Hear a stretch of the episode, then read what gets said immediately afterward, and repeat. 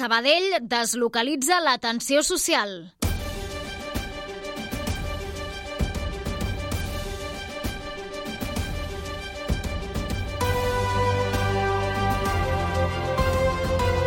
Notícies migdia.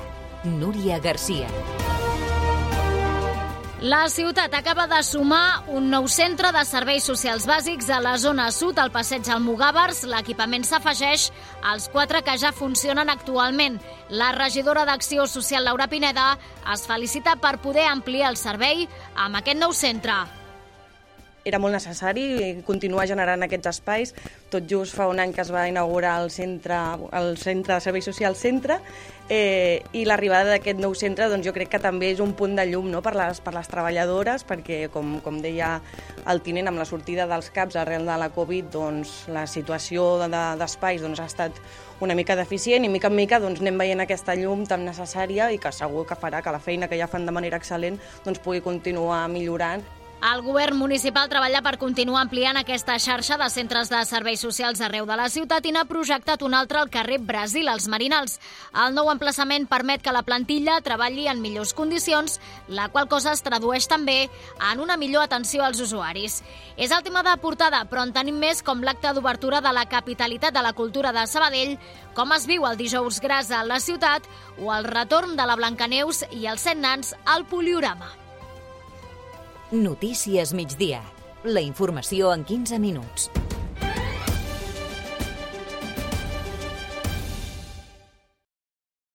Els serveis.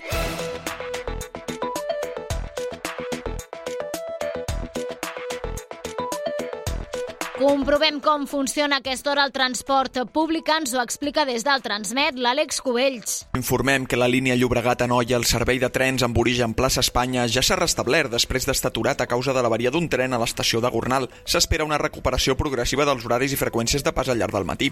I avisem també que ja s'ha normalitzat la circulació de les línies de busos interurbanes al seu pas per les vies d'accés i sortida de Barcelona, direcció Lleida i Tarragona, un cop finalitzades les marxes lentes de tractors. I de cara a demà, a dia 9 de febrer, Renfe i Adif han convocat una jornada de vaga amb un 66% dels serveis mínims en hora punta i del 33% la resta de la jornada, fet que afectarà les freqüències i horaris de pas del servei. I de moment això és tot des del Transmet. Us seguirem informant. Bon dia. Gràcies, eh, bon dia. I d'altra banda, pel que fa a les carreteres, eh, ara mateix ja no hi ha problemes per aquestes marxes eh, lentes dels tractors que encara quedaven aquest matí a Barcelona per les protestes dels agricultors, però sí que a aquesta hora hi ha una incidència a l'autovia A2 a l'altura del túnel del Bruc, on hi ha un carril tallat a Castellolí en sentit Lleida i aturades de 5 quilòmetres des del Bruc. La notícia del dia.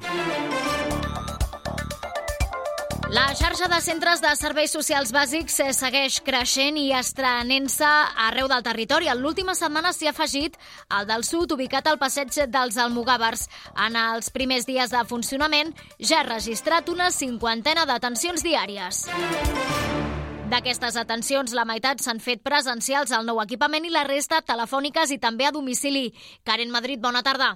Bona tarda. La inauguració oficial del Centre de Serveis Socials Bàsics del Sud s'ha fet aquest migdia i suposa un pas endavant en el desplegament d'un sistema sorgit arran de la pandèmia. El tinent d'alcaldessa, Eloi Cortés, ha destacat la importància d'aquesta obertura. És important per dos motius. Un, per la voluntat que tenim de prestar una atenció de qualitat als ciutadans i ciutadanes que s'adrecen als serveis socials i això passa doncs, perquè els treballadors i treballadores d'Acció Social tinguin espais dignes per poder fer aquesta, aquesta feina. No? I, per tant, hem estem en part encara en aquesta etapa de transició després de la sortida dels CAPs, eh, però això es va concretant i aterrant amb espais com, com aquest. El Centre de Serveis Socials Bàsics del Sud ha suposat una inversió de més de 300.000 euros i compta amb cinc despatxos, una sala conjunta de gestió, una sala de reunions i una recepció amb espai d'espera. En total hi treballen una vintena de treballadors socials que tenen la població de part del districte primer i del sisè, tant amb cita prèvia com sense.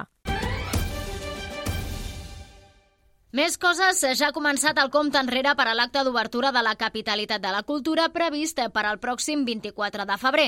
Albert González, director de l'espectacle, ha dit avui que estan acabant d'ultimar tots els detalls. Pau Duran, bona tarda. Bona tarda, Núria. En una entrevista al Cafè de la Ràdio, González ha donat algunes pistes sobre com serà l'espectacle. A l'escenari de la plaça de l'Argú, pel Parc Catalunya, hi pujaran 150 artistes, la gran majoria sabadellencs. A més, l'Orquestra Simfònica del Vallès hi jugarà un paper molt destacat. Pel director del muntatge serà una mostra del bo i millor de la cultura sabadellenca. I potser és una miqueta un tràiler del que passarà a la ciutat aquest any i del que tenim també a nivell cultural aquí a Sabadell. Però mm, hi han molts artistes que durant l'any els veurem aquí, a la ciutat. Llavors hem aprofitat que vinguin també a, a participar en aquest espectacle. Artistes que participaran doncs, a l'Observa o, o a l'Ambassad o al, al Principal. Per l'espectacle del dia 24 no cal reservar entrada. L'accés serà lliure amb un aforament de 1.200 persones. Tota la informació a Ràdio Sabadell.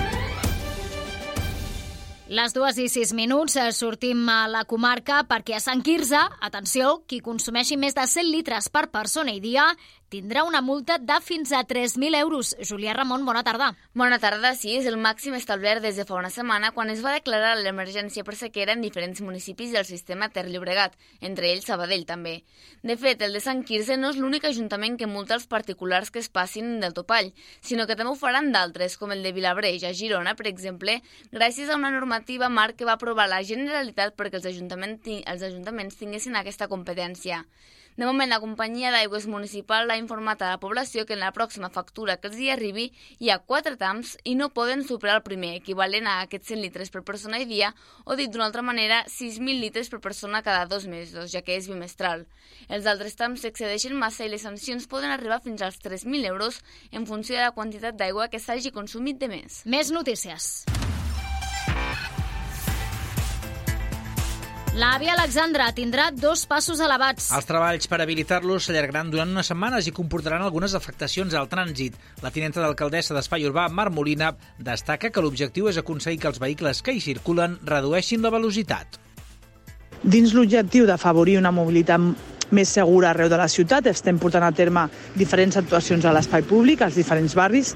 En aquest cas, hem començat a instal·lar a la, aquests elements a la via Alexandra, a Can Rull, per afavorir la seguretat dels vianants, ja que obliguen els vehicles a reduir la velocitat. Els dos passos elevats es col·locaran a l'alçada del carrer Tirant-lo Blanc. Una vuitantena de persones tallen la Gran Via per demanar un estat propi per a Palestina. La concentració convocada pel sindicat COS va començar a la Rambla i va acabar amb la lectura del manifest a la Gran Via. La protesta no comunicada, segons la policia municipal va acabar sense incidents. Una mobilització que va tenir lloc ahir al vespre. Detingut un home de 31 anys acusat de tres delictes. Un contra la salut pública, un altre de conducció temerària i un més de desobediència. Els Mossos d'Esquadra el van detenir després d'una persecució policial que va començar a Terrassa i va acabar a Cornellà de Llobregat. Durant l'escrocoll del vehicle de l'arrestat, els agents van localitzar 10 quilos de marihuana distribuïda en 10 bosses de plàstic transparent. I com diu la dita, dijous gras, botifarra, menjaràs. El dijous llarder, una botifarra d'ou. El dijous llarder, botifarra menjaré. I ben bé que és veritat, perquè aquest matí al Mercat Central ha estat un formiguer de clients que han anat a buscar botifarra d'ou, el producte estrella d'avui, Júlia. Sí, una de les parades que més activitat ha tingut ha estat la de Casa Maresma, que aquest matí ha venut uns 40 quilos de botifarres d'ou, més del doble de l'habitual. La Lourdes eh, és una de les dependentes. La compra de la botifarra d'ou pròpiament és durant tot l'any. El que passa que ara es concentra el, la venda més important de tot l'any, perquè és això, és la tradició de tota la vida. Cada vegada hi ha més varietats, amb trompetes de l'amor, parmesà i fins i tot de calçots, però de moment la líder és la clàssica, almenys en aquesta parada. I un altre clàssic del dijous larder, aquest per postres o per berenejar, és la coca de llardons. Igual que en la botifarra d'ou, Esteve Corsellas, el director general de Valero, assegura que és una tradició molt seguida. El dijous gras és una d'aquelles diades que està molt arrelada i així com d'altres doncs, potser van perdent força, aquesta se segueix celebrant moltíssim. I nosaltres de coques de llardons en, en, en venem cada any les mateixes o més.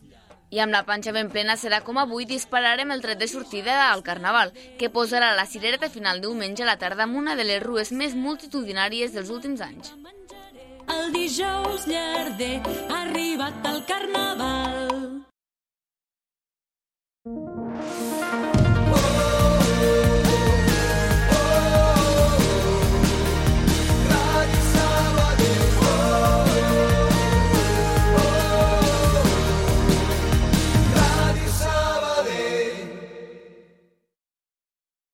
A ti te gusta que en el taller te traten como a un rey, ¿verdad? ¡Sí! ¿Y si además te dan coche de sustitución y financiación sin intereses? Todo esto lo tienes en Midas, donde cuidamos de ti y de tu coche con la última tecnología. Llevamos más de 30 años siendo la marca líder en el mantenimiento de tu vehículo con los mejores profesionales.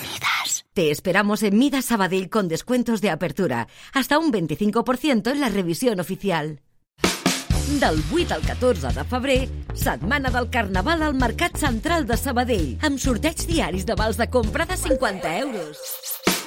El dia 10, concurs infantil de disfresses de 3 a 13 anys, amb premis valorats en 200 euros. Millor disfressa, millors complements i millor maquillatge. A més, tots els participants del concurs infantil rebran un obsequi.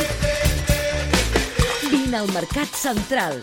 Som Sabadell. Inscripció i bases al punt d'informació o a mercatcentralsabadell.com.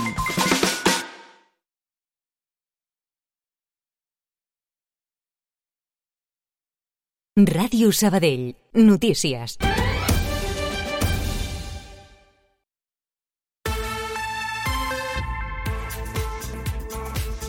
Repassem altres informacions de fora de Sabell quan són pràcticament les 2 i 12 minuts. Una representació dels pagesos es reuneix al Parlament amb Anna R i els grups polítics. Allà han pogut intercanviar impressions sobre les demandes que fan des del sector i les protestes d'aquests dies. Eren els darrers agricultors que quedaven a la capital catalana després de les protestes d'ahir.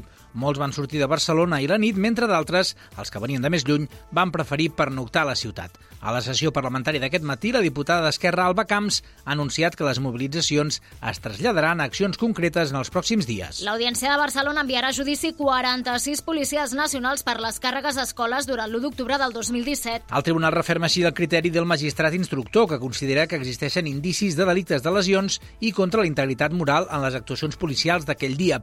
En la resolució, l'Audiència desestima els recursos de l'acusació independentista que demanava investigar més agents i els de la defensa i la fiscalia que demanaven arxivar la causa dels agents investigats. L'Eurocambra demana a l'estat espanyol una investigació efectiva pels suposats vincles entre l'independentisme i Rússia. Ho han fet en una resolució aprovada aquest matí. Segons els impulsors de la resolució, el Partit Popular Europeu i els liberals de Renovar Europa, la presumpta ingerència russa a Catalunya forma part d'una estratègia per promoure les divisions dins del club comunitari. Cultura. La Blancaneus de Joventut de la Faràndula torna per tercera vegada a Barcelona a partir d'aquest diumenge.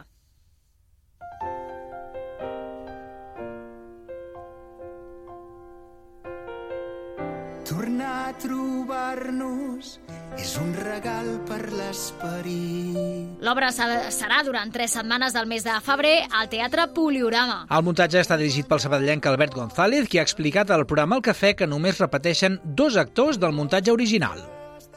Una manera també de rejuvenir l'espectacle és canviar el repartiment, entrar cares noves i... Bueno, però hi ha dues persones que sí que, que continuen. Un és l'Arnau Solsona, que no ha canviat de personatge, és el nan mut, ja ho va ser l'altra vegada, i ho continua sent. I l'altra és la Jèssica Martín, que en el seu moment va ser la Blancaneus, va ser la primera Blancaneus, i ara és la reina. El tractament eh, actual és menys ensucrat i atenció perquè hi ha un petit gir amb el tema del petó que té a veure amb el consentiment. Encara queden entrades per aquest muntatge que ha estat vist per més de 18.000 espectadors des de la seva estrena al 2011. I la volem gaudir. Feliu Formosa i Joan Casas posen veu avui a un dels seus textos més irreverents. La cantant barbuda serà en una lectura dramatitzada al Casal Pere IV amb altres veus de luxe. Els autors estaran acompanyats de Montplans, Miquel Mallferrer i Josep Pedrals. L'objectiu és acostar al públic un humor ben particular. Casas n'ha portat al programa, al programa al matí. Veníem d'aquesta tonteria del teatre de l'absurd, que sempre ens ha fet molta gràcia, i l'obra capdalt del teatre de l'absurd és la cantant calva de, UNESCO. de UNESCO, no? eh, nosaltres vam decidir que s'havia deixat la barba i era la cantant barbuda. Casas i Formosa van escriure la cantant barbuda als anys 80 i va quedar en un calaix fins al 2022. Aquest vespre es podrà veure per quart cop com a lectura dramatitzada a partir de dos quarts de set de la tarda. El temps. La previsió sembla que estem a les portes d'un canvi de temps. Lluís Mi Pérez, endavant. El temps ha de continuar sent més aviat suau. De fet, a hores d'ara s'enfila força la temperatura i al llarg d'aquesta tarda estarem parlant de moltes temperatures que una altra vegada passaran dels 20 graus. El vent de Garbí ja anirà bufant, de fet a Girona, on més força tindrà, i atenció perquè aquesta tarda i vespre tindrem ràfegues de vent de sud o sud-oest bastant fortes entre la Costa Brava, la serralada transversal i també els cims del Pirineu però també força núvols, que són prims a la seva majoria, però que s'han d'anar fent més gruixuts i més actius. Al llarg d'aquesta tarda i vespre, alguna pluja feble arribarà a caure de forma intermitent al Pirineu, també les comarques de Lleida o de l'Ebre. Demà sí que serà un dia més ennuvolat, amb pluja que anirà caient de forma pausada i feble a les comarques de Lleida, Barcelona i Tarragona, i en canvi a Girona el que tindrem és garbí molt més suau en quant a temperatura i més ressec. Serà el dissabte, el dia que plourà a Girona. Us seguirem a la xarxa. Passa un minutet d'un quart de tres, marxem. Nosaltres ho deixem aquí, un informatiu que hem fet amb la Rocío García a les vies de so, però recordeu que podeu continuar informats al portal de continguts de l'emissora, a les xarxes socials i a través del nostre nou canal de WhatsApp. Que vagi molt bé, adeu. Allà on siguis, escolta'ns online. En directe.radiosabadell.fm